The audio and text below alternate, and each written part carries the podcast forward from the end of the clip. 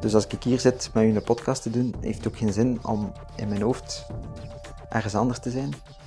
En dat is volgens mij de sleutel naar, naar gelukkig en mindful eh, leven. En uiteindelijk draait het daarom. Hè. Uh, we willen toch allemaal gelukkig zijn.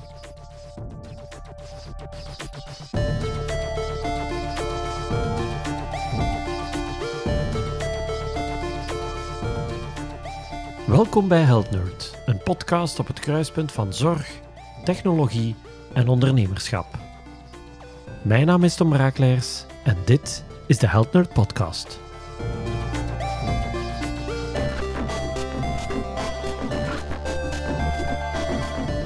Aan het begin van deze aflevering hoorde je Servaas Banger, huisarts, voormalig sportarts bij Lotto Soudal, ondernemer, auteur van een hele reeks boeken over gezondheid, vaste gast in de Koek en Verhult Show en nog veel meer. We ontmoeten elkaar in de Gelamco Arena, waar zijn bedrijf Leadlife gevestigd is. En je zal wel merken dat ik niet veel vragen moet stellen. De antwoorden rollen er vlot uit. We praten meer dan een uur over zijn keuze om arts te worden, nachtmerries over de middelbare school, preventieve gezondheidszorg, over ondernemen, over moonshots, over diepzitten en hoe eruit te geraken. En over zijn droom om acteur te worden. Kortom, een gesprek dat heel wat kanten uitgaat. Maar vooral praten we over de mens achter de ondernemer, over leven in het nu. Zijn positieve kijk op ondernemen en onze gezondheidszorg werkt aanstekelijk. Geniet van deze aflevering van Health Nerd, die met Servaas Banger.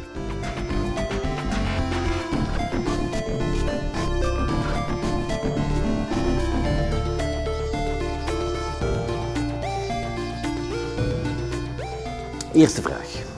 Wie is Servaas Banger? ja, dat is een vraag die ik mij ook elke dag stel. Uh, Servaas Banger is uh, een zoekende jongen uh, die heel veel energie krijgt van verschillende dingen. Dus niet altijd hetzelfde. maar Servaas Banger heeft dat moeten leren doorheen het, het leven. En uh, als we het dan vooral op de professionele kant uh, bekijken, dan ben ik uh, ja, in 2006 begonnen als huisarts. En onmiddellijk aan de slag gegaan eigenlijk. onmiddellijk in een systeem gekropen waarin dat ik heel veel werkte. maar waarin dat ik vrij snel voelde van ja, wat ben ik hier eigenlijk aan het doen? Dus dat was eigenlijk, als ik het nu bekijk, was dat een heel beperkte wereld. Dat was s morgens het consultatiehok in. Dan even tussendoor wat huisbezoeken en wat ongezond eten tussendoor. Ja. en dan s'avonds weer het consultatiehok in. En dat was eigenlijk, uh, dat was eigenlijk het leven. Plus, het was eigenlijk ook altijd hetzelfde. Het waren mensen die altijd met dezelfde problemen kwamen voor herhaalvoorschriftjes. Uh, dus ik had niet echt zo het idee van, ik maak hier, ik maak hier verschil. En dan heb ik uh, op een bepaald moment de keuze gemaakt om uh, bij te gaan studeren. Dan heb ik sportgeneeskunde gestudeerd. En heb ik heel veel geluk gehad om heel snel in de topsport uh, terecht te komen. En daar ben ik voor mezelf tegen de lamp gelopen, zeg maar. Uh, daar heb ik beseft dat ik eigenlijk niks kon. Handig. want dat, dat, was, dat was het, het, typische, was van, dat die mensen in de praktijk, ja, de, hoe dat mensen naar een dokter gaan, is van, kijk dokter, ik heb een probleem, hij gaat het oplossen met een pilletje te geven en klaar is Kees. Uh, en dan kom ik binnen drie maanden terug voor een nieuw pilletje enzovoort enzovoort. Dus het probleem wordt daar eigenlijk niet, niet mee aangepakt. Terwijl een topsporter niet ziek is. Dus een topsporter is niet ziek, die heeft dus in C geen probleem. Die heeft gewoon zijn optimale gezondheid nodig om topprestaties te leveren. Dus die vroegen mij, help mij om gezond te zijn. En ja, ik had heel veel academische uurtjes uh, gedaan, dus uh, heel veel op de universiteit mijn broek versleten. Maar iemand gezond houden, ook al was ik dokter, dat wist ik eigenlijk niet hoe dat ik dat moest, hoe dat ik dat moest doen. En dan ja, was het wielrennen de ideale plek om het te leren. enerzijds omdat dat, ja, de vraag was hoog. En dat was de vraag van jongens die op tien jaar moesten hun carrière maken, dus die druk was heel hoog. Die, die jongens eisen heel veel van zichzelf en eisen dus ook heel veel van de mhm. mensen rond hen. Uh, en dat is een enorme inspiratiebron geweest. Gewoon als je ziet hoe, met, met welke mindset dat die mannen hun sport aanpakken. Daar heb, ik, daar heb ik, op zich al heb ik massas van geleerd, van die, ja, die topsport mindset eigenlijk. Hè. Maar ook het wielrennen, ja, die jongens zitten dan vijf, zes uur per dag op de fiets. Dus er was massas tijd om boeken te lezen, om artikels op te zoeken, om bij te studeren. En ik heb, uh, ja, ik heb die tijd gebruikt. Uh, dus ja, ik heb, uh, ik heb dat in totaal negen jaar gedaan. Dus negen jaar dat ik gemiddeld toch 180 dagen per jaar in een koers zat. Maal vijf uur. dan, dan, kun, dan kun je al wat lezen. Ik ja, ben dan ook naar de States getrokken voor extra opleidingen te gaan volgen. Nou, ik, heb, ik, heb, ik heb mijzelf daar, daarin verdiept om, om dat te leren. En dat, dat was zo'n aha-erlevenis. Dus op een bepaald moment had ik zoiets van, maar jongens, wat ben ik hier aan het doen in die huisartspraktijk? Dat is, pas op, ik ga, nooit het curatieve systeem aanvallen, hè, want we hebben dat systeem nodig. Hè. Als er één land is waar ik ziek wil worden, is het België. Uh, want de geneeskunde is zeer goed en, en onze manier van werken als arts is zeer goed, maar in het curatieve verhaal. Als we een longontsteking hebben, als we ons been breken, als we een hartinfarct hebben, ja, of kanker krijgen, want er zullen altijd mensen tussen de mazen van het net glippen. Dus dat, dat werkt perfect. Uh, dat probleemgeoriënteerd en richtlijnmatig werken. Dus we moeten dat zeker niet afvallen. Maar als we het over chronische aandoeningen hebben en over preventie hebben en dus over gezond houden hebben, dan, dan werkt de pijl in die richting niet. Dus we starten van het symptoom we stellen daar een diagnose op en daar hebben we een behandeling voor. Dus dat werkt zeer goed in dat curatieve. Maar in het preventieve moeten we het anders bekijken. Dan mogen we niet hetzelfde doen. Want wat doen we nu met diabetes? We hebben het symptoom, symptoom de bloedsuiker is verhoogd. Uh, onze diagnose is, het is diabetes, dus we geven een pilletje waarmee dat we het symptoom aanpakken. Dus we gaan die bloedsuiker gaan verlagen. Uh, maar, maar daar stoppen we. Dus dat is eigenlijk een chronische aandoening bekijken zoals dat het een acute aandoening is. Maar eigenlijk moeten we ons de vraag stellen die daarvoor komt. Waarom krijgen we dat symptoom? En dan kom je eigenlijk in de cursussen die we als arts wel krijgen in eerste, tweede en derde jaar, namelijk de cursussen biochemie, fysiologie uh, en al die, die basiswetenschappen, maar die we eigenlijk vergeten. Waarom? Omdat we als arts opgeleid worden, zeker in onze uh, proeven, hè, want nu noemt dat proeven, ma nee, masters, dat noemt nu master, in de masters, worden we eigenlijk de, de richtlijngeneeskunde aangeleerd. En dan moeten wij eigenlijk de richtlijnen leren. Eh, terwijl dat we de oorspronkelijke fysiologie en de ontstaansmechanismen wat uit het oog verliezen. Uh, en dat is jammer, want daar ligt heel veel, uh, daar ligt heel veel waarheid om het, om het anders aan te pakken. Dus in het geval van die bloedsuiker moeten we dan echt gaan kijken van ja, hoe komt dat dat die bloedsuiker verhoogt? Dat is omdat die in de pancreas niet meer zo makkelijk insuline produceert. Of dat is omdat die spiercellen niet meer zo makkelijk op insuline gaan reageren en de suiker gaan, gaan opnemen. Ah, en hoe komt dat? Ah, dat komt omdat die mens te weinig beweegt. Dat is nu de simpele, de simpele versie dat ik vertel. Dat is omdat die mens te weinig beweegt, of dat is omdat die, die mens veel te veel van die bewerkte suikers geeft, waardoor dat hij te hoge pieken heeft, waardoor dat die pancreas zegt van, ja mannen, hey, ik ga niet meer meedoen. Uh, dus dan moeten we dat gaan aanpakken. Door dat aan te pakken, kunnen we vermijden dat we in dat, in dat ziekte beeld terechtkomen. En ik ben dat dan, ja, toen dat ik dat begon door te hebben, want met de sporters werkten we vooral op die basismechanismen. Hè, van, ja, hoe kan ik vier uur lang uh, gaan trainen die dag en mij de volgende dag weer fit voelen om een training van zes uur te doen. Uh, dus ja, we moesten, we moesten eigenlijk daarop gaan werken.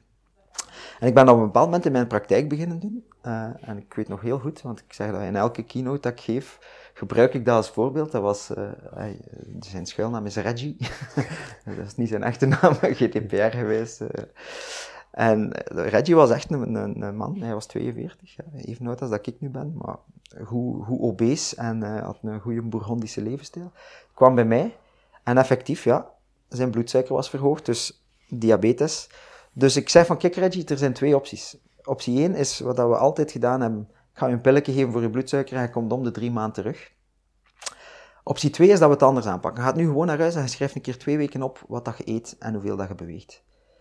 En uh, ja, dan ben ik eigenlijk zo beginnen werken. Dus ben ik eigenlijk niet meer gewoon de pilletjes beginnen voorschrijven, maar ben ik echt naar die oorzaak gaan zoeken. En dan op die oorzaak beginnen coachen, want ik kreeg dan dat voedingsdagboek van, uh, van die mens.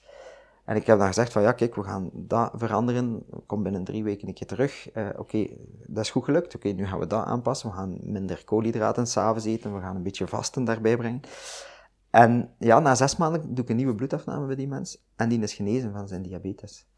En dat was voor mij de key van, oké, dus, uh, en dat is ook een beetje de, de, de, doorstart geweest van hoe dat ik via de, de sportgeneeskunde en de topsport dan terug in die algemene populatie, in die huisartsgeneeskunde en in die preventie, want daar ligt mijn hart. Hè. Ik, ik, we kunnen zoveel doen, we hebben eigenlijk zoveel in de hand, maar we zijn er ons niet van bewust. Het ganse natuur-cultuurverhaal. We, zijn, we hebben een fantastische maatschappij en, en, een enorme welvaart, maar we zijn zo ver van onze biologie aan het leven. En niet alleen op vlak van voeding, maar ook op vlak van lichaamsbeweging, op vlak van slaap, op vlak van stressoren. Uh, zijn we zo ver van, en dan zijn we verwonderd dat, we, dat ons lichaam begint te protesteren. Dus zeg ik nu allemaal dat we terug in de grot moeten kruipen? nee, absoluut niet. Maar we moeten ons wel bewust zijn dat we in C zijn we biologische wezens. En de natuur is de baas. De natuur gaat alles doen om, uh, ja, om het evenwicht hier op de, op de planeet uh, in, uh, in balans te houden, zeg maar. Dus uh, ja, die, die vindt altijd een weg om ons tot de orde te roepen. En we zijn eigenlijk de enige soort ter wereld die zichzelf aan het uitroeien is. Ook al maken we heel veel kinderen en neemt de bevolking exponentieel toe, toch zijn we onszelf aan het uitroeien. Uh, maar hoe krijg je dan zo de Reggie mee in dat verhaal? Want voor hem de gemakkelijke oplossing is, mm -hmm. geef mij maar dat pilletje in de plaats van dagboeken bij te houden en op mijn eten te letten en meer te bewegen. Ja, en... ja dat is, uh, dat is een, een, combinatie tussen interne motivatie en externe motivatie. Uh, uh, Reggie had zijn interne motivatie gevonden door zijn vader, die ook diabetes had. En hij zei van, ja, dat wil ik eigenlijk niet. Ik wil niet... Want dus Reggie had een beetje de slechte genen set om op vroege leeftijd eigenlijk al tegen de lamp te lopen en, en, diabetes te krijgen. Dus dat was voor hem al een, een, motivator en die motivatoren zijn voor iedereen anders. En de externe motivatie is dat ik op een bepaald moment ook gewoon de tijd beginnen pakken ben voor mijn mensen om het uit te leggen.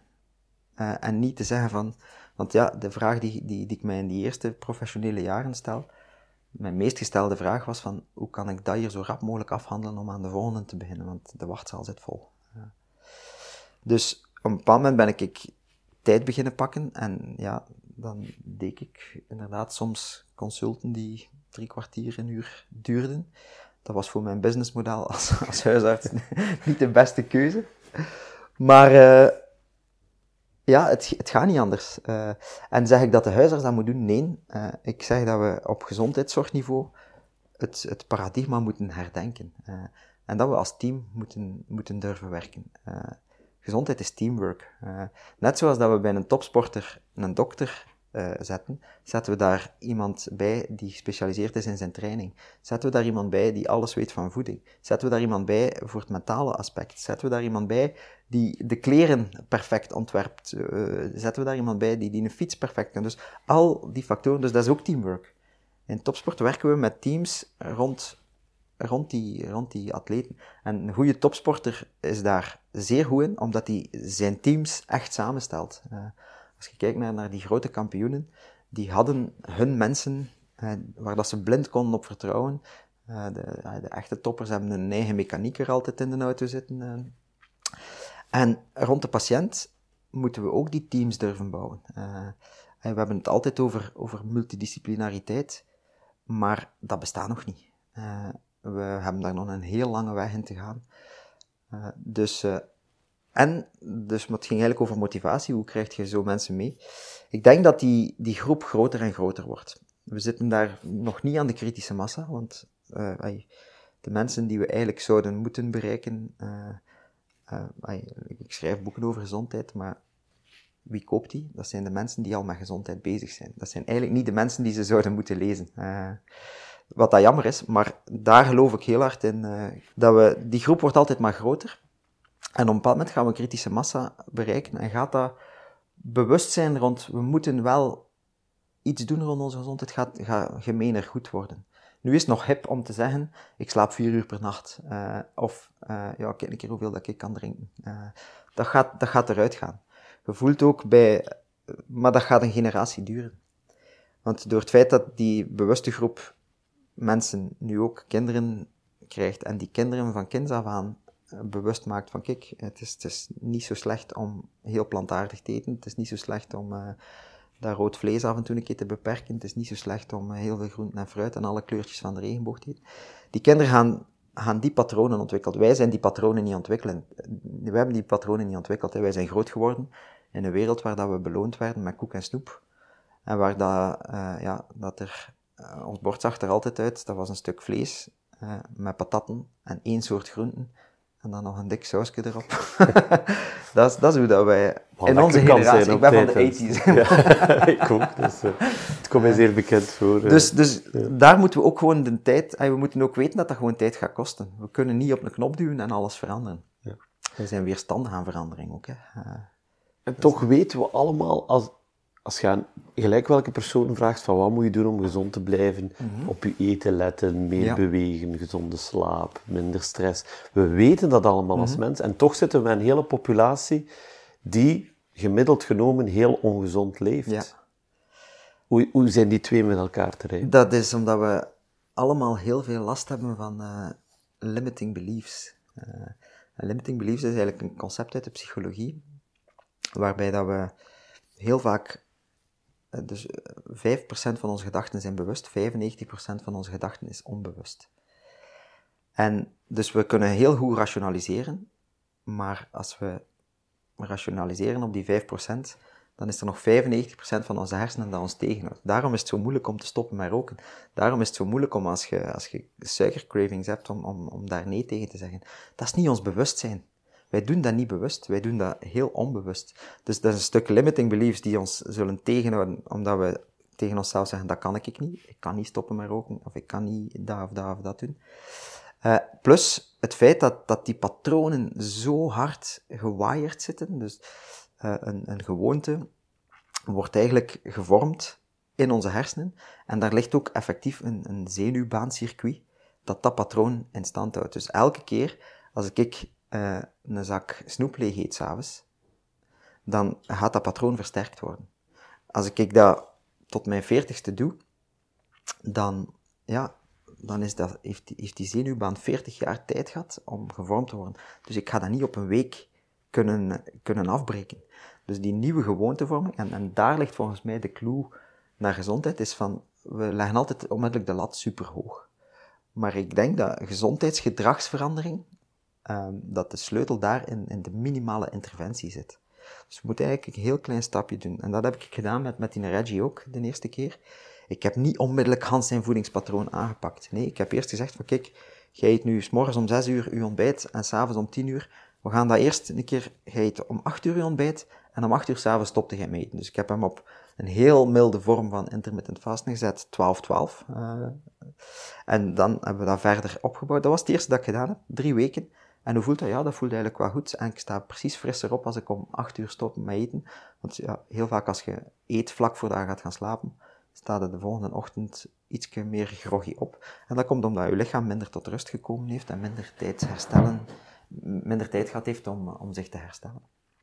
Dus die minimale interventies. En wij zijn als menselijke soort, weten, doordat we weten rationeel wat dat we moeten doen, willen we ook onmiddellijk naar daar. Maar Rome is niet op, op één dag gebouwd. Dus het traject van gedragsverandering en gezondheidscoaching is iets waar we moeten aanvaarden dat we dat heel traag, moeten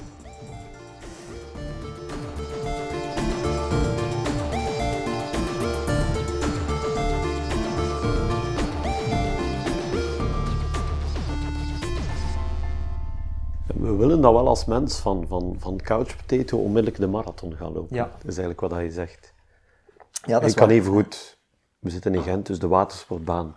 Voilà. Dus rondwandelen zou ja, ook al leuk is, zijn. dat is vijf kilometer ja. een, een, eerste, een eerste ja. goede stap. Hè? Want je gaat toch die vijf kilometer moeten kunnen lopen om, om marathontraining aan te kunnen. Ja. En, en daar denk ik ligt nog, uh, ligt nog een weg open om mensen daar veel, veel meer in te gaan begeleiden. Wat dan nu gebeurt op alle socials en, en, en overal ter wereld, schieten de, de gezondheidscoaches en de personal trainers en het schiet als paddenstoelen uit de grond. En wat doen we? We, we geven heel veel kennis aan, aan de mensen. Ik ook, ik ben er ook schuldig aan, dus ik schrijf ook boeken. En, uh, maar inderdaad, we weten het allemaal. Dus ik ga ook stoppen met boeken over uh, gezonde voeding. Dus ja, met, met die boeken voed je de 5%. Vo, voed ik de 5%, inderdaad. Dus, dus mijn volgende boek ga ik proberen over die 95% te hebben. Dus dat zou er normaal zien moeten zijn 1 december en zal over gedragsverandering gaan. Dus daar, daar ben ik mij in, in aan het vastbijten van hoe kunnen we die code, code kraken. En ik denk dat dat sowieso een traag proces is. We moeten dat beseffen dat dat een traag proces is. Plus we moeten in dat onbewuste gaan, gaan kruipen. Dus we moeten weten van, ja, waarom is dat? Dat ik, als ik stress heb, dat ik s'avonds in die koekenkast uh, wil duiken en veel te veel eet. Uh, en vooral dan nog de ongezonde dingen eet die, uh, ja, die mij niet gezond gaan maken. Waarom is dat? Ah ja, maar dat komt omdat ik als kind, ja, ik associeer dat met plezier. Als ik bij mijn oma ging, het eerste dat wij daar kregen, de snoepkast ging open en we kregen daar snoepjes die we thuis niet hadden. Dus dat was, uh, dus onmiddellijk worden die banen gelegd, uh, terwijl dat, mocht ik zelf kinderen hebben, ik heb zelf geen kinderen, maar mocht ik zelf kinderen hebben, dan zou ik zeggen van ja, ik ga toch banen leggen ook, dat ze gezonde voeding ook als, als iets leuks en als iets heilzaam kunnen gaan. Hoe dat we dat moeten doen, heb ik de waarheid nog niet in pacht. Uh, ik, die, die code heb ik, heb ik ook nog niet gekraagd. We kunnen dat alleen maar proberen door het ook zo aantrekkelijk mogelijk te maken en door het zo leuk mogelijk te maken. Maar ik denk dat het op kinderleeftijd begint. Uh, dus ik ben ook, ik ben vaag bezig met ook een idee om, om gezondheid bij kinderen binnen te brengen. Maar het is niet gemakkelijk, inderdaad. Ja, dus ik ga zeker zeggen, eh, ik ga zeker niet beweren dat ik, dat ik alles weet. Maar dus ja, we moeten op die 95% gaan werken. Want de kennis hebben we, maar nu moeten we de, het stappenplan krijgen om hoe kunnen we ons bewust, bewust maken. En heel vaak gaat dat, gaat dat gepaard met, met lastigheid. Hè? Want we, we uzelf een vraag stellen of bepaalde patronen van uzelf ontdekken dat, dat, is, niet, dat is niet echt aan, aan plezier geassocieerd. Hè. Dus wij doen, het menselijk gedrag is te verklaren vanuit twee drijfveren. Ofwel is het om plezier te hebben, of om pijn te vermijden. Uh, dus wij doen eigenlijk alles, uh, elk, elk ding dat je doet, kun je daaraan koppelen. Uh, en iets eten, ja, als ik, dus mensen die, die s'avonds een binge, een eetbui of zoiets hebben, met ongezonde dingen, of elke avond een fles wijn drinken, het vertoken alcoholisme, zeg maar. Dat is heel vaak om, om dingen te numben, uh, om eigenlijk dingen te gaan onderdrukken. Dus dan moet je eigenlijk dat deksel gaan opheffen. En de psychologen doen dat met verschillende technieken. Met cognitieve gedragstherapie kun je dat een stuk gaan doen, met acceptance en commitment therapie. Maar, maar dat is een lastig proces. Uh, dus ik denk dat als er één professie is die, die daar echt in dat multidisciplinair team ook moet gaan zitten, is het het, het team van de mind. Uh, en dat zullen soms psychologen zijn, maar ik denk dat we ons ook bewuster moeten zijn als om te even welke zorgverlener, of dat we nu arts zijn, of personal trainer, of kinesist, of voedingsdeskundige, of uh, whatever dat we zijn, we moeten die ja, we moeten op dat mentale gaan werken, want daar zit het. Het, het, het, woord coaching is een beetje uitgehold, maar het begrip coaching is, is een zeer waardevolle term. Dat komt van het woord koets. En koets is iets wat een persoon van A naar B brengt. Maar die de koets moet bestuurd worden. Dus er kan dat niemand voor u doen. Uh, als jij van A naar B wilt, dan is er maar één persoon die naar B kan gaan en dat is jij zelf. En je mocht zoveel therapeuten rond u hebben die, die met u praten. Nee, jij moet op een bepaald moment moet jij zeggen van ik, ik wil naar B gaan. En het key moment is het nemen van de beslissing. Dus het moment van een beslissing nemen, ik ga stoppen met roken, ik ga die zak snoep niet opeten, uh, dat is het draaimoment. En wat het, het, paradoxale is, is dat het eigenlijk vrij simpel is. Nemen van een beslissing is niet zo moeilijk. We kunnen dat. We kunnen dat eigenlijk vrij gemakkelijk.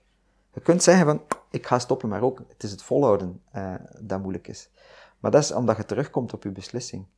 Eigenlijk, ze zeggen in het Engels zeggen ze dat zo mooi, change can happen in a moment. Uh, dus je kunt op, op één moment veranderen, maar dan moet je gaan vechten tegen die gewoonte en moet je manieren hebben om je weerstand te gaan opbouwen. Ik gebruik vaak het voorbeeld van, van sporten. Vroeger was ik de grootste couch potato uh, die, die bestond. Waarom? Omdat ik altijd in de boeken zat. dus uh, ik, ik, las heel graag en dat was meestal in, in de ruglig. ja, voilà. dus ja, ik had een heel sedentair bestaan. Ook al was ik overal die gezonde dingen aan het lezen. dat is ook heel paradoxaal. Dus op een bepaald moment, maar op een bepaald moment heb ik de beslissing genomen van ja, Servaas, je weet het allemaal zo goed in, uh, in theorie. Doe het nu een keer in praktijk. En wat heb ik gedaan? Exact hetzelfde. Ik ben heel mild geweest voor mezelf. Ik heb heel kleine stapjes gezet. Eerst gezegd van kom, we gaan een beetje intermittent vast. En dan, oké, we gaan twee keer in de week gaan lopen. En dan heb ik het systeem gecreëerd rond mij om, om, het, om het makkelijk te maken. Uh, het was voor mij ook gemakkelijk, want ja, ik, ik, ik, ik woon alleen. Dus ik kon mijn keuken inrichten zoals dat ik zelf wou. Dus wat heb ik gedaan? Ik heb gewoon gezorgd dat daar geen enkele ongezonde keuze kan gemaakt worden. Als ik ongezonde keuzes maak, is het buiten, buitenshuis. Wat dat procentueel al uh, minder voorkomt. En wat dat mij dus gemakkelijker maakt, is het help by design principe. Uh, ik heb ook ervoor gezorgd dat er, er is een hoek in mijn huis uh, waar dan mijn sportkleren klaar liggen. als ik thuis kom, van een lange dag werken, waar dat ik vroeger in de kast zou gedoken zijn, mhm. dan zeg ik heel vaak nu tegen mezelf, van kijk Servaas, doe gewoon je, je loopbroek aan en je loopschoen aan. En zie dan, dan en zie, maar neem die beslissing al, en dan kun je nog zien of dat je gaat gaan lopen. Het is mij nog niet voor, of heel zelden voorgekomen dat ik die schoenen aandeed en dat ik dan zei van, ik ga ze toch weer uit en ik ga, ik ga niet gaan lopen. Dus door, door die beslissing niet te zeggen van, ik ga 10 kilometer gaan lopen, maar ik neem de beslissing om mijn loopschoenen aan te doen. En, en zo kun je eigenlijk je systeem gaan tweaken, waardoor dat, dat ik nu in een situatie zit, als ik uh, een week niet kan sporten, word ik ambetant. Dan word ik nerveus. dus dus ik, heb, ik heb mij op die manier herbedraad, zeg maar. Uh, en mensen begeleiden in dat proces, dat is volgens mij een van de, een van de sleutels om die gedragsverandering één, te kunnen doen, en twee, te kunnen bestendigen. Want in bestendigen ligt... Uh, ligt de gouden graal, denk ik. Ja. En zie je dat dan meer, dat, dat de huisarts veel meer psycholoog wordt? En worden die daar dan genoeg voor opgeleid? Versus, eigenlijk zou er naast elke huisarts een psycholoog moeten zitten. Of, of iemand die dat verhaal doorheeft. Op, uh, op een bepaald moment hebben wij bij Lotto, uh, bij Lotto Soudal, uh, dus de, de, ploeg waar ik voor werkte, hebben wij gezegd, jongens, iedereen is mental coach. Zelfs de verzorger, zelfs de kok. We zijn allemaal mental coach. Dus niet alleen de huisarts, denk ik. En ik denk dat we, als huisarts krijgen wij die, die, die processen, wij, wij, wij worden daarvoor opgeleid. Hè. Wij, wij, wij, krijgen die psychologie, wij, wij weten hoe dat de stadia van gedragsverandering gebeuren, wij, wij weten wat dat motivatoren zijn. Uh, maar een huis, voor zoiets is er tijd nodig de, de, de ontbrekende factor in, in goede gezondheidsbegeleiding is tijd. Ik, ik zeg het, ik heb daarnet al lachend gezegd, mijn businessmodel uh, is onderuit gehaald toen dat ik uh, begon consultaties van een uur te doen. Maar het was wel in die consultaties dat ik change kon, kon bewerkstelligen. Dus ons, ons systeem zit verkeerd in elkaar, want we worden nu als huisarts beloond door zoveel mogelijk patiënten per uur te zien. Dat prestatiesysteem is, ja, is eigenlijk vloek en zegen. Hè? Uh, want het houdt de artsen, die, zijn, die zijn super content om zo te werken. Maar de, de kwaliteit van de zorg gaat, gaat niet omhoog. Dus dan denk ik dat we, dat we misschien meer outcome gebaseerd moeten, uh, moeten beginnen denken.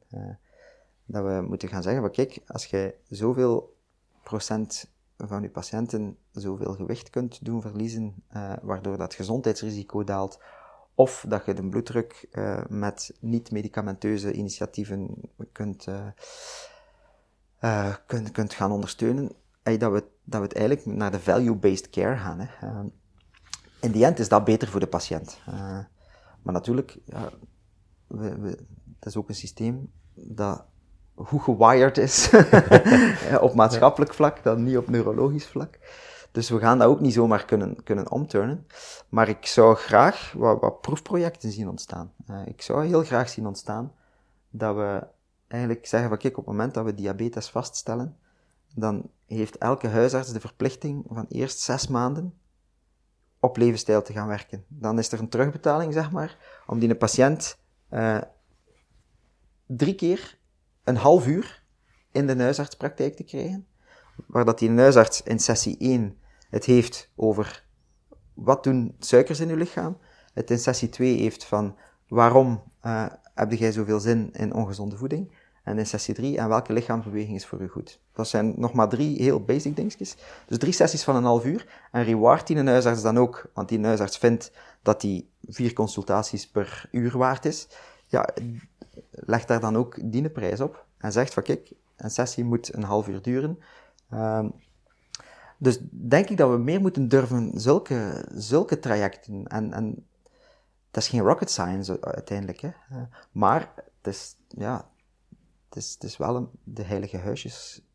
Klein beetje, zelfs niet omstampen, het is, het is een keer een nieuw laagje verf geven. een likje verf. En is het systeem daar klaar voor? Uh, ik denk nog niet helemaal.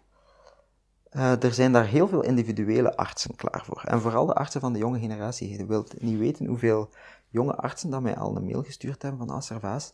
Wat dat jij doet is, is eigenlijk wel tof.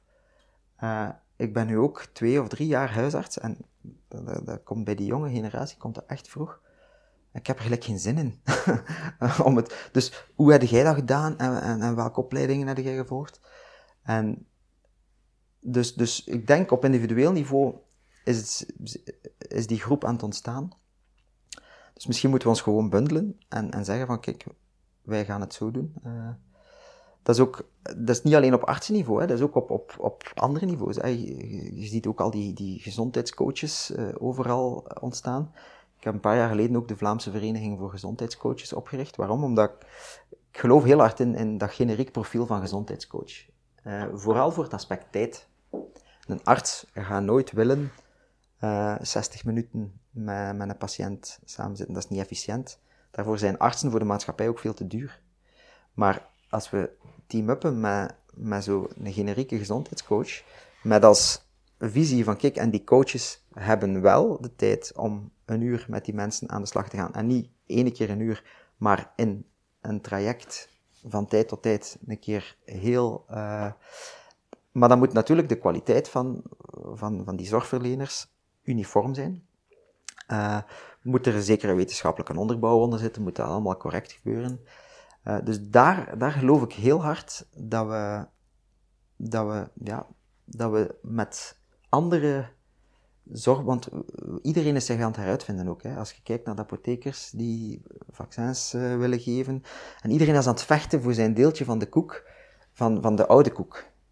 Maar laat ons nu gewoon een keer een nieuwe taart bakken en, en onszelf in, in dat verhaal gaan plotten. En dan hadden ook nieuwe beroepen zien ontstaan. Ja, hey, we, vernieuwing is, is ook durven een keer uzelf in vraag stellen. Dat is zowel in, om uw limiting beliefs voor, voor uzelf persoonlijk en uw onbewustzijn te ontdekken, is uzelf in vraag stellen, maar ook als, als systeem. Uh, en ja, dan, de, de proof of the pudding is in de eating, hè. of in de not eating als je vast. Uh, dus laat ons, laat ons een keer wat proefprojecten doen. Laat ons, ze, ze, hebben, er zijn zoveel mooie studies ondertussen al gebeurd. Diabetespatiënten heeft mij gewoon drie dagen 16,8 laten doen. Uh, en na twee maanden hebben ze gezien dat die hemoglobine ANC's en al die, die waarden aan het zakken waren. En dus, dus we moeten niet naar de zware, naar de zware interventies gaan. De, de interventies waar we heel veel verschil mee kunnen maken, zijn heel vaak echt kleine, kleine gewoonteveranderingen.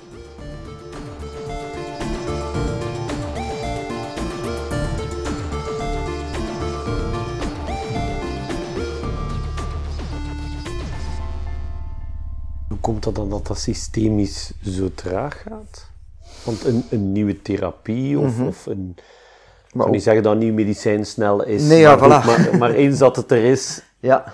dat valt relatief makkelijk in het systeem van terugbetaling. Wat je, wat je nu zegt, zijn, zijn kleine veranderingen die er niet systemisch door geraken. Nee, dat is waar. Uh, en ze worden waarschijnlijk minder hard gepusht. Hè. Ik zeg het, wij, wij leren in ons masters wij, leren wij richtlijnen. Hè. Uw patiënt komt bij u uh, met bijvoorbeeld een hart- en vaatziekterisico. Als zijn cholesterol boven daggetalken is en, en zijn goede cholesterol zo en zo en die ratio zo en zijn bloeddruk dit moet de dag geven. Dus, dus uh, wij, wij, wij zijn flowcharts. Hè. Ja. uh, en die flowcharts bestaan niet op vlak van levensstijl. Door de complexiteit van lifestyle, want dat is een zeer dicht web, zeg maar. En voeding is gerelateerd met beweging en met slapen. En, en, en wat, wat krijgen we? We kunnen dus niet in de klassieke manier waarop dat we evidence creëren.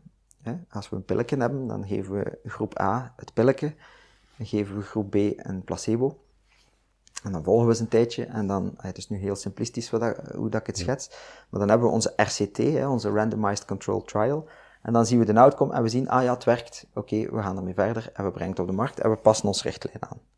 Dat is, dat is hoe dat we het in het klas. Maar in lifestyle kunt jij dat niet doen. Waarom? Er zijn zoveel beïnvloedende factoren, er zijn zoveel biologische systemen die samenwerken. Je hebt uw microbioom dat uh, een vinger in de pap te brokken heeft. Hebt uw immuunsysteem en uw inflammatie. Hebt uw hormonaal systeem. Uh, dus we, we, we kunnen dat, dat, is zo complex en uw hormonaal systeem wordt beïnvloed als je een uur meer slaapt. Uh, als je lichaamsbeweging doet, krijg je een ganz ander hormonenpalet. Zit je in het eerste deel van je vrouwelijke cyclus of het tweede deel, dat gaat ook al verschil maken. Dus wij weten nog niks ook. Dan, we moeten, eerst en vooral moeten we beseffen dat we niet weten hoe dat lichaam werkt.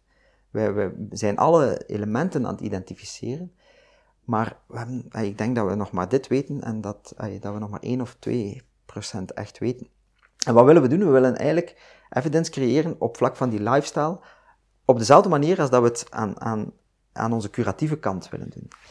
En daar geloof ik heel hard van, dat is de verkeerde manier om evidence te creëren.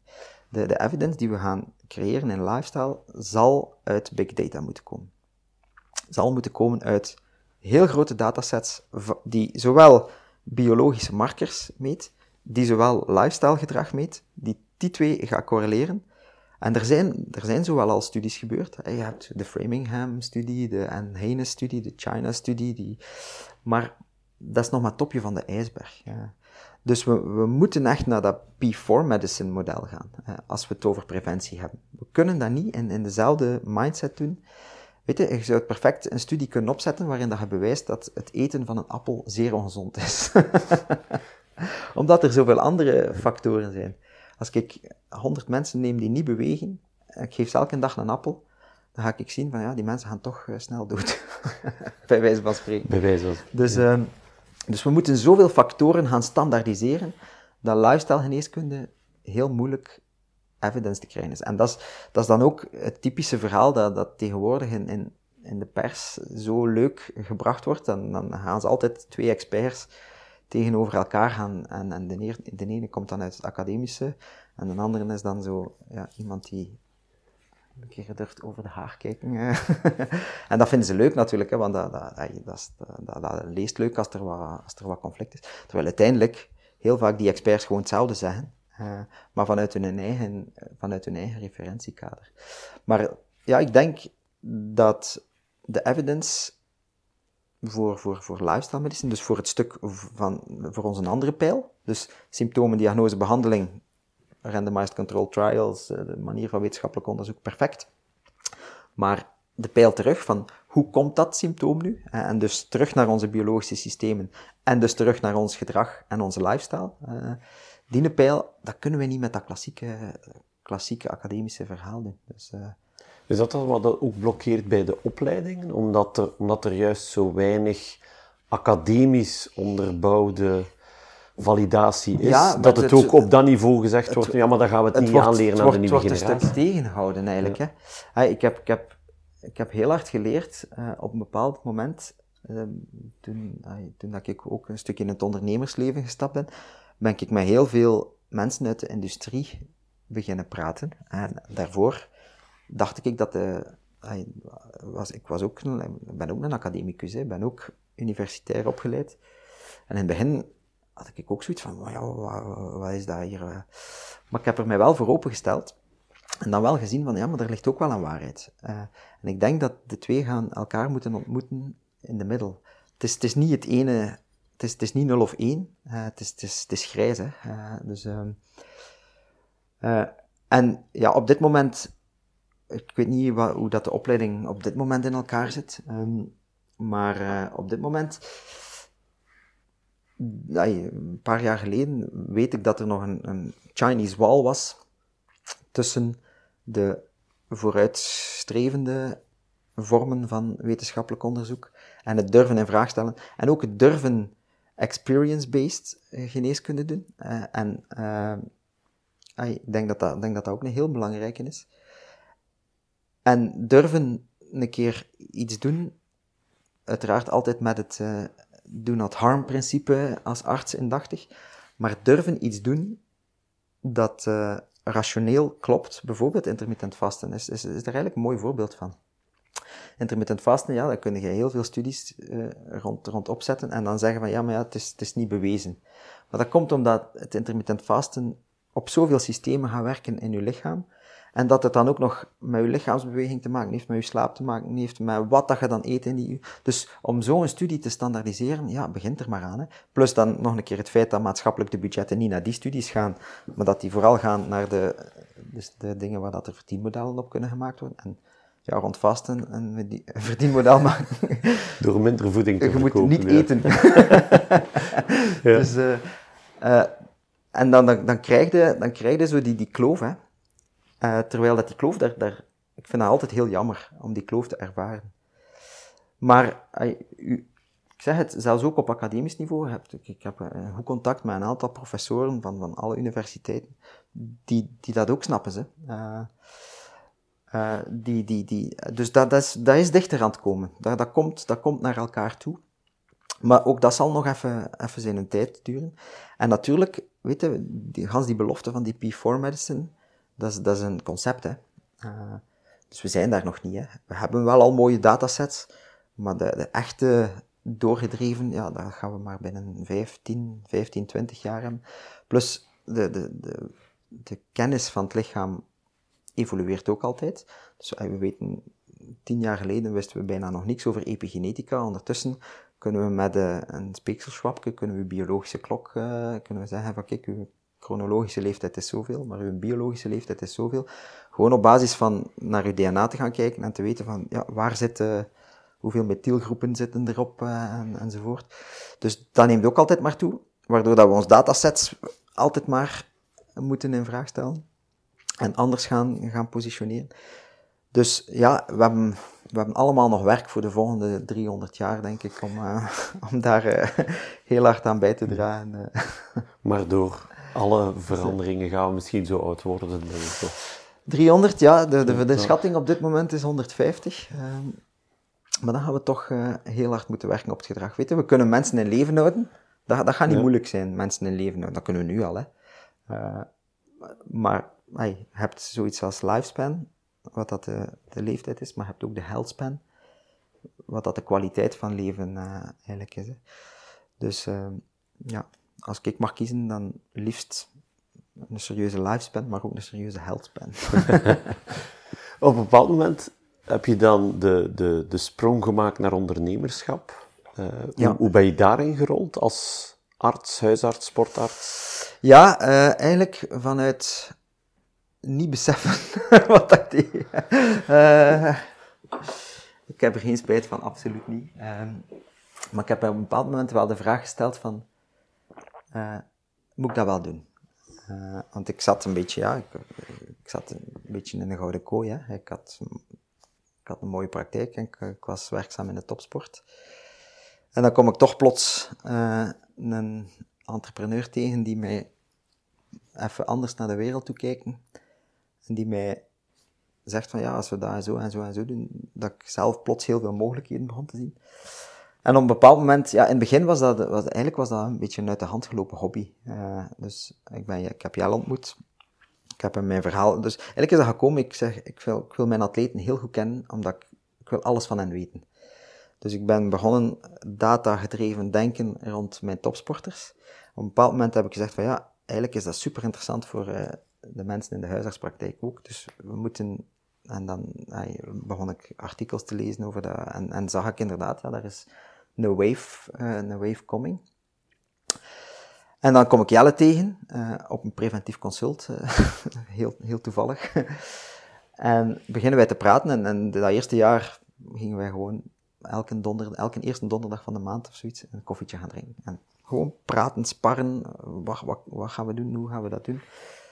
Dan werd dat concreet, hebben we gezegd van kijk, uh, dan uh, op een bepaald moment een POC geïdentificeerd, oké, die gaan we bouwen. Hebben we alle twee vanuit ons eigen vennootschap hebben mensen beginnen aanwerven en uh, ja, die beginnen betalen. Dus, maar dat, dat, dat voelde zo organisch. Ik, ik, dat voelde zelfs op dat moment niet als ik ben hier een stap aan het zetten. Nee, ik had zoiets van ja, we gaan die een pok maken. Ook, ook de minimale interventiestrategie. Dus, dus niet zeggen van we moeten naar daar. Nee, gewoon dat eerste stapje zetten en dan, en dan het volgende zien. En op een bepaald moment ja, hebben we daar dan het bedrijf rond opgericht en, en ja, werden, en tegen die tijd ja, hadden wij daar al alle twee redelijk wat geld, uh, redelijk wat geld in gesmakt.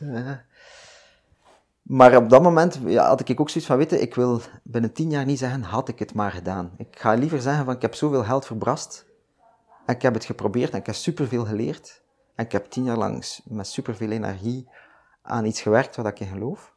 Want dat is, dat is voor mij eigenlijk nog altijd het belangrijkste. Ik sta elke dag op met heel veel goesting om, om hier aan te bouwen, om hier aan te werken. Ik heb ondertussen het, het, uh, het het, geluk dat hier twintig mensen ook opstaan morgens en meebouwen aan een droom die we ooit een keer gehad hebben.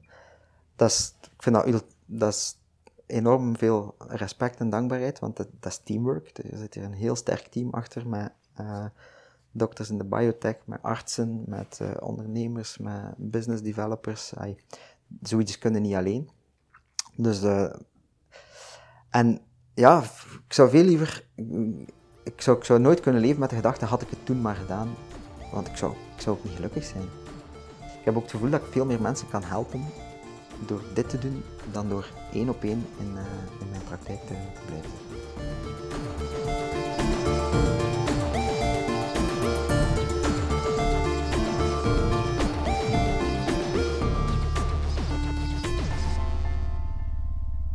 dat parcours van ondernemerschap, dat is, is dat hetgeen wat je ervan verwacht had? Of dacht je van dit is smooth ja, sailing en je rolt daarin? Als ik zo in het begin van mijn professionele carrière, eh, ik, heb, ik heb altijd zo het ondernemersleven wel gevolgd, ook, ook als ik juist afgestudeerd was. En dan las je zo de verhalen van, van de ondernemers die zeggen, ja, het is toch vaak door zwarte periodes gaan. En, uh, en dan dacht ik van, ja, ja, ja, dat zal wel. Maar er is in mijn eigen leven ook een moment geweest dat het geld op was. En dat ik zoiets had van shit, uh, nu moet ik echt wel even, even schakelen voor. Dus ja, dat zodanig geloofde in het project dat ik, op een bepaald moment gaf ik meer uit dan dat er, dan dat er bij mij binnenkwam. En ik had toen ook juist de investering gedaan van de praktijk en, en alles erop en eraan. Dus ja, die zwarte zaadperiode heb ik ook, heb ik ook gehad. en toen had ik zoiets van, ja, het zit daar toch, het zit daar toch een kern van waarheid in. Maar dan nog ben ik altijd, ik heb altijd vertrouwen gehad en hoopvol geweest. En ik heb natuurlijk, ja, ik heb heel veel risico genomen. En op een bepaald moment zat ik op het einde van de loopplank. Ja. maar dan ben ik even teruggegaan. dus, hoe hoe ga je daarmee om? Uh, ja, maar dat was ook een moment dat, dat, dat, dat, niet alleen het professionele leven, want op een bepaald moment ben ik gestopt met de praktijk. Dat was het moment dat ik stopte met de praktijk, dat ik stopte met Lotte Soudal om full voor, voor onze start-up, voor Emma te gaan. Dus dat er, dat er ook geen inkomen meer was. Uh, uh, nu, we waren toen wel aan het praten met, met investeerders, dus er was, er was zicht op een better future. maar ja, dat is even een periode tijdens die onderhandelingen en tijdens die gesprekken een heel een grote periode van onzekerheid geweest, professioneel. En dat was ook het moment dat ik privé eigenlijk alles onderuit getrokken heb. Uh, eigenlijk mijn huwelijk stopgezet heb, echtscheiding gedaan. Dus ik, er was zo'n moment in mijn leven dat ik, dat ik echt zeg van, we gaan een keer Ctrl-Alt-Delete doen. en dat was niet makkelijk, maar dat is ook toen geweest dat ik, dat mijzelf heel, heel goed heb leren kennen. en ook daar heb ik geleerd van, kijk, er is 5% servaas dat je je bewust van bent en er is zoveel dat je niet bewust van bent. Dus ik heb daar ook heel veel persoonlijke groei uit gehaald. Uh, waar ik blij ben dat ik dat op mijn 37ste kunnen doen heb. En dat mij dat niet overkomen is op mijn 68ste of mijn 69ste als ik op pensioen ga. Dus ja, ik heb zoiets van, dat is allemaal goed geweest en dat is hoe dat, hoe dat voor mij moest verlopen. Maar het was lastig, hè. Het, was, het, het was heel onzeker en ik was niet gelukkig. En ik, was, ik voelde mij soms, soms, soms echt heel slecht. En ook soms, ah, wat heb ik nu toch gedaan en waarom doe ik dat? En is ook niet beter gewoon toch terug in de praktijk kruipen en uh, het is zo gemakkelijk. Maar dat, dat ging niet. ja, dat, dat is iets heel raars. Dat is, ik weet niet, innerlijk was dat de juiste weg. Het voelde gewoon. Het voelde, het voelde, goed. En eh, vertrouwen is, is, is weet je, hebt, hebt, hebt heel veel emoties als mens. Maar emoties zijn eigenlijk, zijn eigenlijk maar boodschappers. De, de clue in het leven is om je niet te identificeren met al je emoties. Om eigenlijk je emoties te, te, te zien als een signaleur. Eigenlijk, eh, don't, don't shoot the messenger. En dan heb je inderdaad emoties van angst, van je ongelukkig voelen, van jaloezie. Maar je hebt ook heel veel positieve emoties. Maar daar, die geven we te weinig voeding. En eigenlijk die, die emotie van, ik heb vertrouwen dat het goed komt. En, en alle emoties die daarbij horen, dat heb ik eigenlijk nooit verloren. Uh, ook al was ik op dat moment een wrak. en had ik, had ik geen geld. En had ik gelukkig nog ergens uh, wat enkel geld in mijn autolijn om, naar, om naar de winkel te gaan. ja. Uh, dus ja, en ja, dat, maar dat, dat, hoort, dat hoorde er gewoon bij. En, en ja, ik zeg het, ik heb, ik heb ergens een, een droom en, en een visie van, we moeten daar naartoe. En dat is op de maan, hè. Uh, dus of daar nog voorbij. Of daar nog voorbij, ja. ja. uh, ik zeg het, ja, als ik dan, dan ook, ook in die periode van persoonlijke dingen heb ik heel veel gelezen. En wat dat voor mij een, krachtig, een krachtige metafoor was, van, was dat boek van Eckhart Tolle, van de kracht van het nu. Van kijk nu een keer gewoon naar, naar nu. Er zijn, er zijn geen problemen als je het verleden achterlaat. En als je de toekomst als niet bestaand beschouwt. Als je kijkt naar nu, ja, wat is er nu? Ja, Servaas, je zit met investeerders aan het praten om uw start-up. Uh, dus wat is dat nu? Ja, waar moet jij nu op focussen? Wel, op dat. Uh, en ja, ik zeg het, op, op die crisisperiode ben ik dat beginnen doen en ik leef eigenlijk nog altijd zo. En nu zit ik hier eh, samen met u in een heel tof, futuristisch uh, 3.0 health center, Lead Life genaamd. zijn er hier twintig mensen aan het werken, aan het rondlopen, keihard aan het knallen. Ja, zijn er problemen? Nee. Mhm. dus, uh, er zijn slechtere plaatsen op de wereld om, uh, om te zitten. Had u dat kunnen inbeelden op dat moment, dat, het, dat, dat je zo diep zat van... Dit komt echt goed? Of had het echt gewoon, ook voor wat dat jou betreft, zo diep kunnen blijven? Of is het door, juist door het vertrouwen dat je er zelf in gestoken hebt, dat, dat dit gerealiseerd is? Moest het diep gebleven zijn, dan ging ik andere dingen beginnen doen zijn om, om het niet diep te laten. Maar ja, op het moment dat je diep zit en je zit nu in het diepe, dan, dan weet je ook niet hoe diep dat je zit. Want je, je laat je referentiekader los. Voor hetzelfde geld zit ik nu super diep. Dat kan het zo kunnen. Je kunt dat alleen achteraf zeggen. Voilà, Toen ja. dacht ik dat ik al hoog zat. Maar oh, wat voilà. ik ja.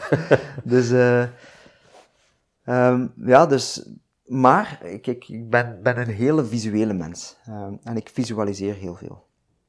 Uh, ik mediteer ook en in die meditaties beeld ik mij echt de, de dingen in zoals dat ik wil dat ze zijn en probeer ik dat ook te voelen. Probeer ik de emotie die ik ga hebben als ik dat en dat en dat bereikt heb te voelen. Waardoor dat je een soort referentiekader creëert in het dagelijkse leven om te zeggen van kijk, uh, hoe moet ik nu reageren of wat moet ik nu doen om naar die visie te gaan? Dat is voor mij een heel, een heel sterke techniek gebleken, uh, waar dat ik heel veel aan heb. Uh, en ik heb dat zowel professioneel, maar ook persoonlijk. Ik weet wie, dat ik, wie dat ik wil zijn als ik 45 ben. En de Servaas, als ik 45 ben, die, die reist ergens met mij mee. En als ik een moeilijke situatie of een ambetant moment tegenkom, dan, dan ga ik vanuit die visualisatie vragen, hoe, hoe, zou, hoe zou die mens reageren?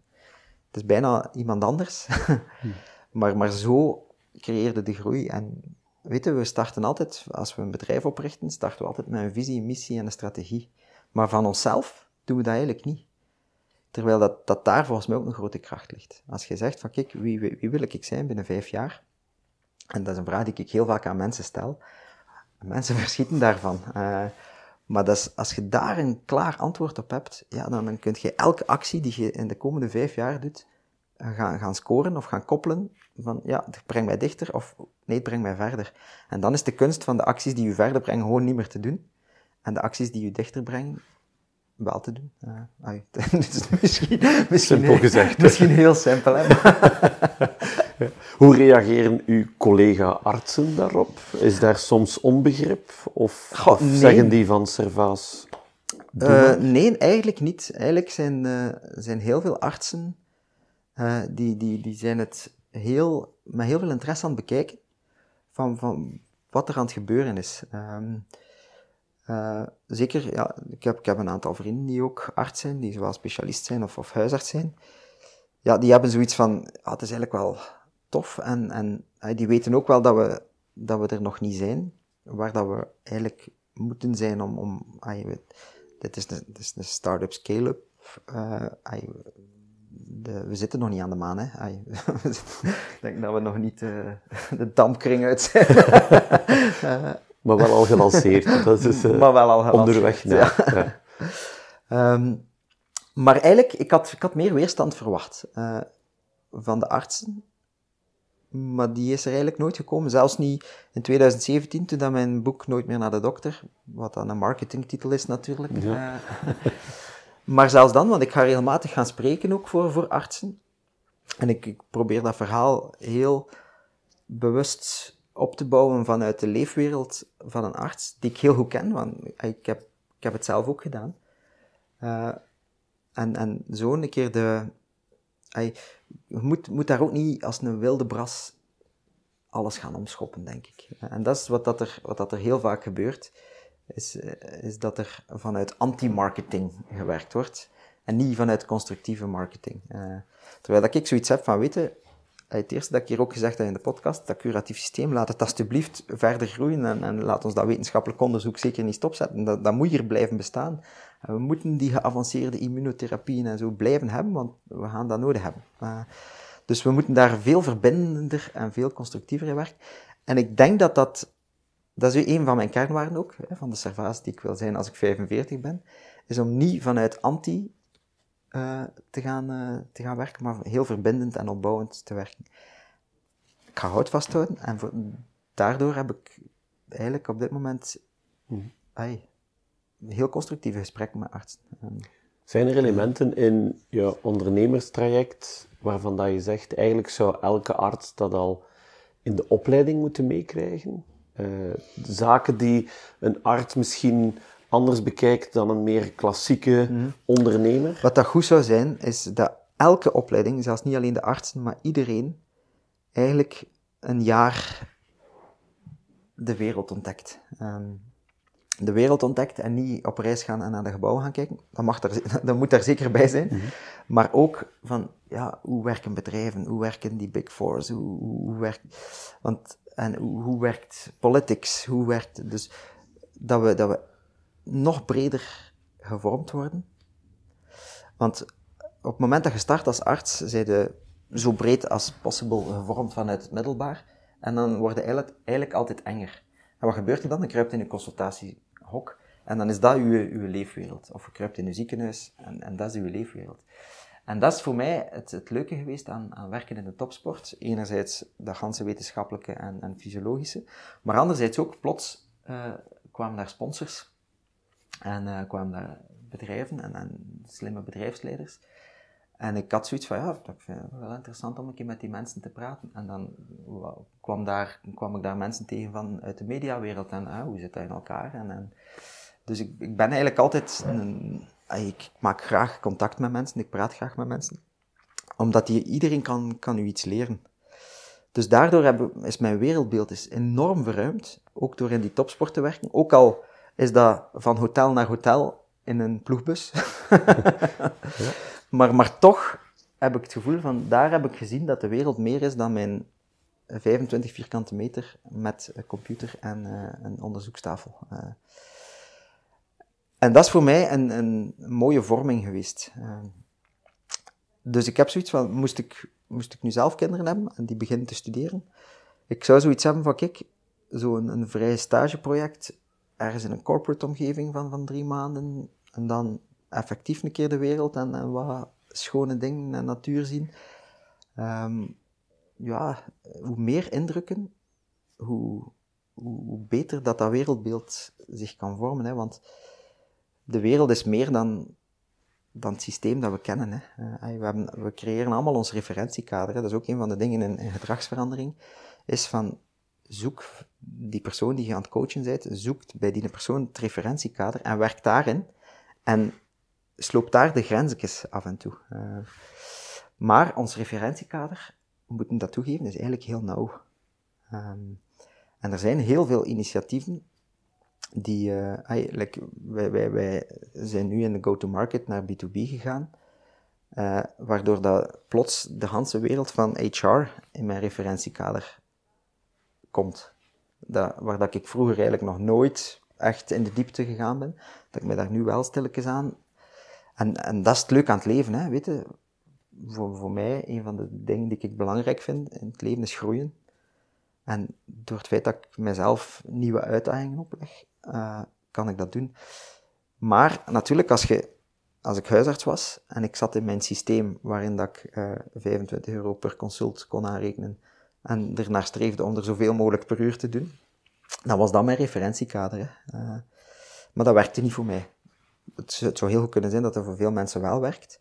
En dat is niet aan mij om, om daarover te oordelen. Dus dan, dan moeten die mensen die die keuze maken dat doen. Maar wat dat wel een feit is, is dat de evolutie van wij zelf als, als wereld, met alle uitdagingen die ons te wachten staan op gezondheidszorgniveau, op politiek niveau, op economisch niveau, op klimatologisch niveau, uh, gaan we moeten um, gaan we verder geraken met mensen met een breed wereldbeeld dan met een eng wereldbeeld.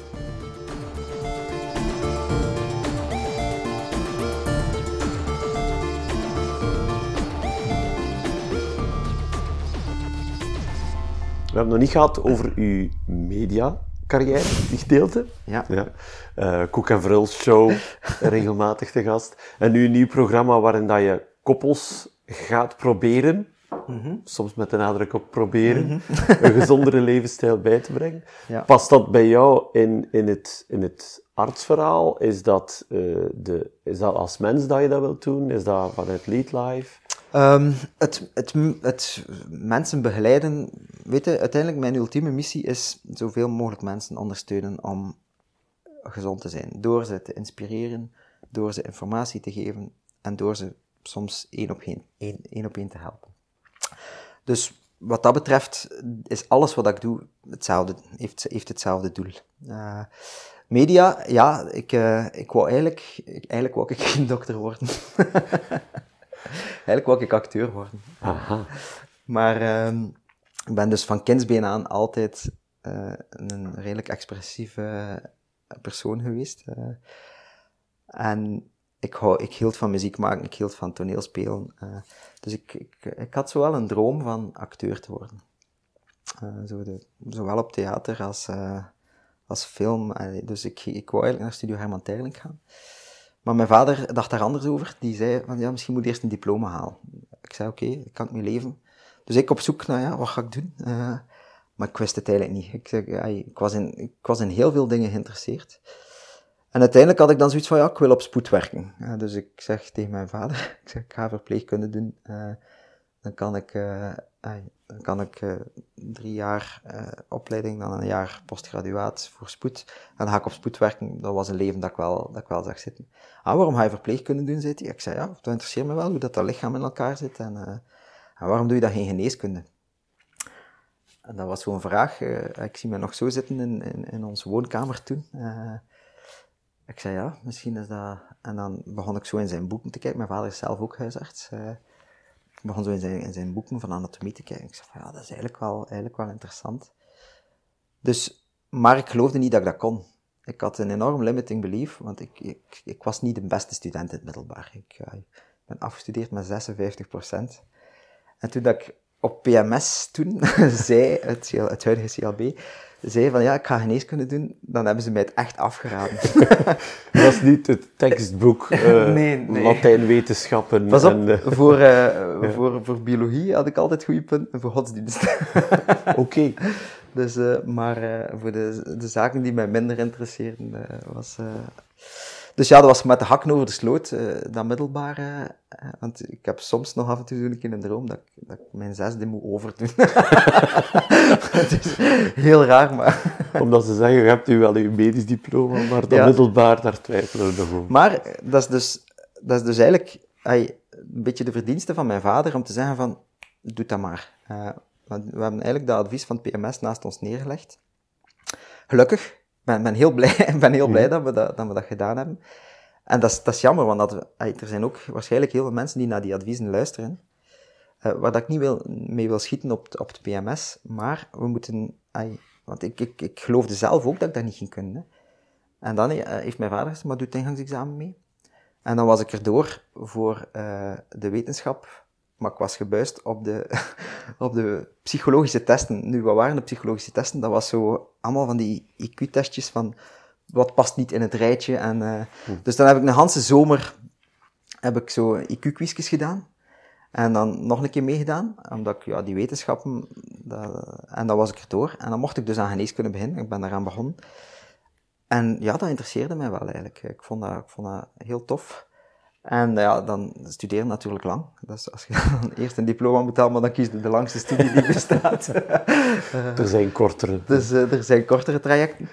En op het einde van, van, had ik zo echt iets van, ja, nu wil ik wel ik wil aan de slag, want al uw vrienden beginnen geld te verdienen en hij zit daar nog stages te doen en, uh, en te werken voor niks, uh, zeg maar. Uh. Mm -hmm.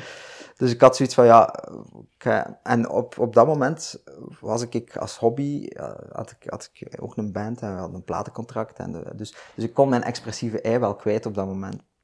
Dus ik ben, daarmee, ja, ben daar dan mee gestart, uh, met huisarts te worden, want dat was een bewuste keuze. Want ik was ook heel erg geïnteresseerd in anesthesie en in uh, orthopedie. Maar ik had zoiets van, ik zie mijzelf niet in een ziekenhuis dus ik ga de praktijk van mijn pa overnemen. Want toen voelde ik ergens wel van, want mijn pad zal, niet conventioneel zijn. Ga, dan kan ik er van alles bij doen. En dan kan ik mijn hobby doen. Dat was toen vooral voor mijn hobby te kunnen doen, van muziek te maken. Dan heb ik alles zelf in de hand. Uh, ik wist toen niet dat ik sportgeneeskunde ging doen en dat we in het ondernemersleven gingen stappen. Dus ja, ik begin daaraan, uh, aan huisarts, omdat ik dan na twee jaar assistent zijn er vanaf was eigenlijk. Hè, en, en, mijn eigen baas was. Uh, dus een heel bewuste keuze. Ik heb dan nog even gekeken om, om toch nog terug naar die acteersopleiding te gaan. Maar ja, dat, leeftijdsverschil was, was te groot. En dat is, dat is dan het leuke en, en het gekke. Dus dan, dan komt plots die, die... Dus ja, als ik aan het studeren was over, over al die dingen, had ik zoiets van, ah, ik ga daar een boek over schrijven. En door dat eerste boek, die Nooit meer naar de dokter, ja, is er een tweede gevolgd, een derde gevolgd enzovoort. En, en nou ja, dan kwam af en toe een keer een interview en, en, en dan kwam die media zo gelijk aanwezig. En ik kreeg er ook super veel energie van. Omdat ik vind het heel tof dat ik, mijn, dat ik twee passies kan, kan verbinden met elkaar. Enerzijds heb ik een, expertise.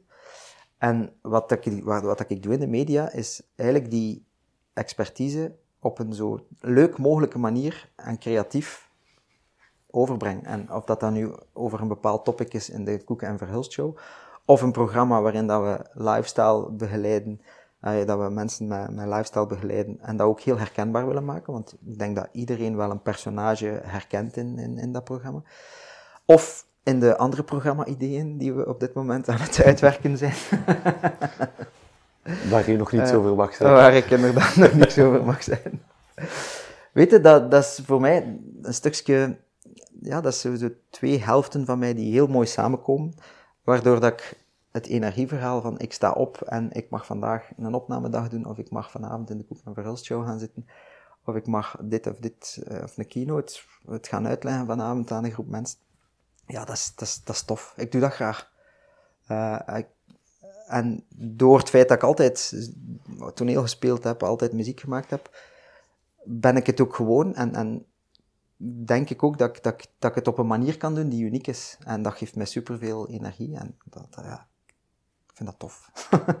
ja, dus enerzijds ben ik, denk ik, iets goed aan het doen en, en, en kan me er nog bij. Dus, dus ja, die twee aspecten die samenkomen, dat is voor mij heel energiegevend de eerste keer dat we elkaar gesproken hebben was hier in Gilamco. Ja. Uh, nu zitten we hier terug, ja. zoveel jaren later. Aan de andere kant van het gebouw. Aan de andere kant van het gebouw, inderdaad. In uw eigen held. ik, ik noem het 3.0, jij noemt het... Uh, het is teamwork, hè. Het is teamwork. Ja, ja, ja maar, maar toch, uh, in Lead Life, zijn er nog zaken waarvan dat jij zegt, goh, als, als mens of als ondernemer of als arts, als je mij nu echt vraagt wat mijn droom is, daar wil ik nog naartoe. Uh, ja, ik heb, ik heb nog heel veel dromen. Uh, elke nacht.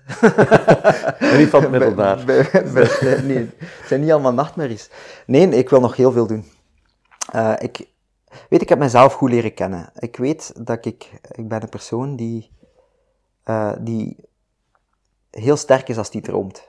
Als, als, als die, en ik ben een persoon die niet moet in, in de uitvoering Uh, ik denk dat ik meer kan doen als ik de, de shot naar de maan doe. Uh, en daar, hebben we, daar heb ik nog zoveel ideeën. Uiteraard, dit Lead verhaal wil ik, wil ik verder vormgeven en, en moet verder uitgebouwd worden. Uh, want ja, dit is iets dat de gezondheidszorg kan veranderen, denk ik. Dus hier geloof ik heel hard in. Dit is ook mijn, mijn core business. Maar ik zeg het, ja, ik, ik ben nog bezig met een aantal televisieprogramma-ideeën. Ik ben bezig met een, een, project rond kinderen en hoe kunnen we ze van kinds af aan gezond, gezonde keuzes leren maken. moet dat allemaal? Goh, nee, we, gaan, we gaan wel zien wat er, wat er lukt en wat er niet lukt.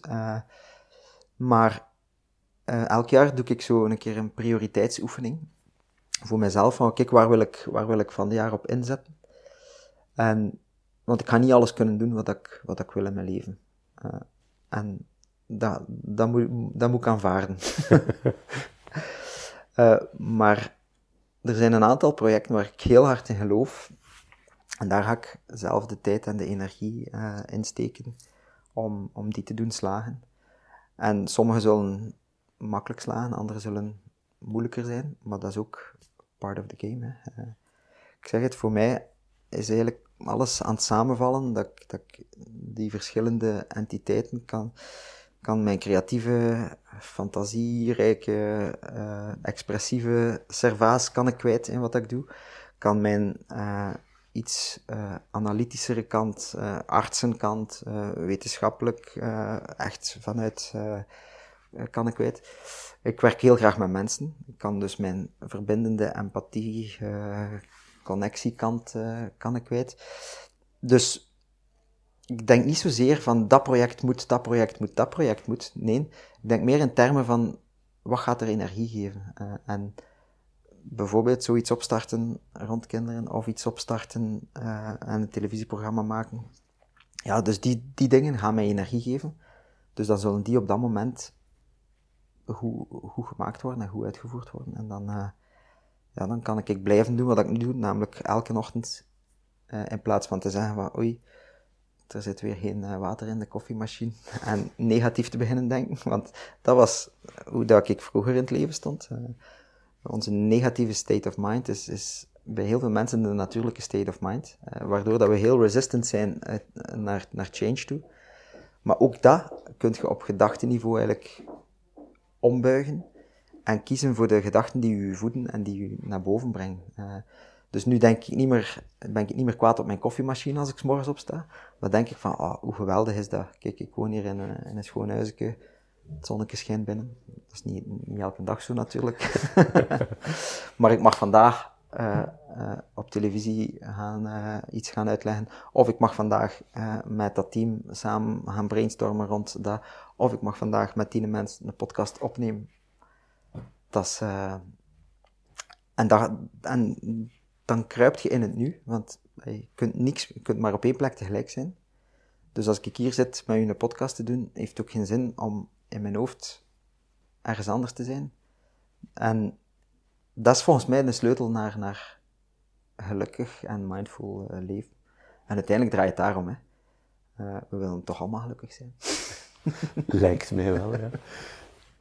Is er iets waarvan dat je zegt, als ik ooit het bijltje erbij neerleg op uw 155ste, uiteraard full quality of life tot, tot dan. Maar goed, het moet ooit eindigen. En dat je zegt van, dat is, dat zou ik willen dat mijn legacy is. Dit wil ik nalaten aan de wereld. Wat zou die zijn? Dat is een goede vraag. Dan wil ik uh, steentjes verlegd hebben in, uh, in, waar, in het domein waar dat we in zitten. Uh, dan wil ik de gezondheidszorg beter gemaakt hebben. Minder ziek. Minder ziek. ja, dat dan wil ik heel veel mensen geïnspireerd hebben om, om de sleutel zelf in handen te pakken. want dat is mogelijk en dat doen we te weinig als collectief op dit moment.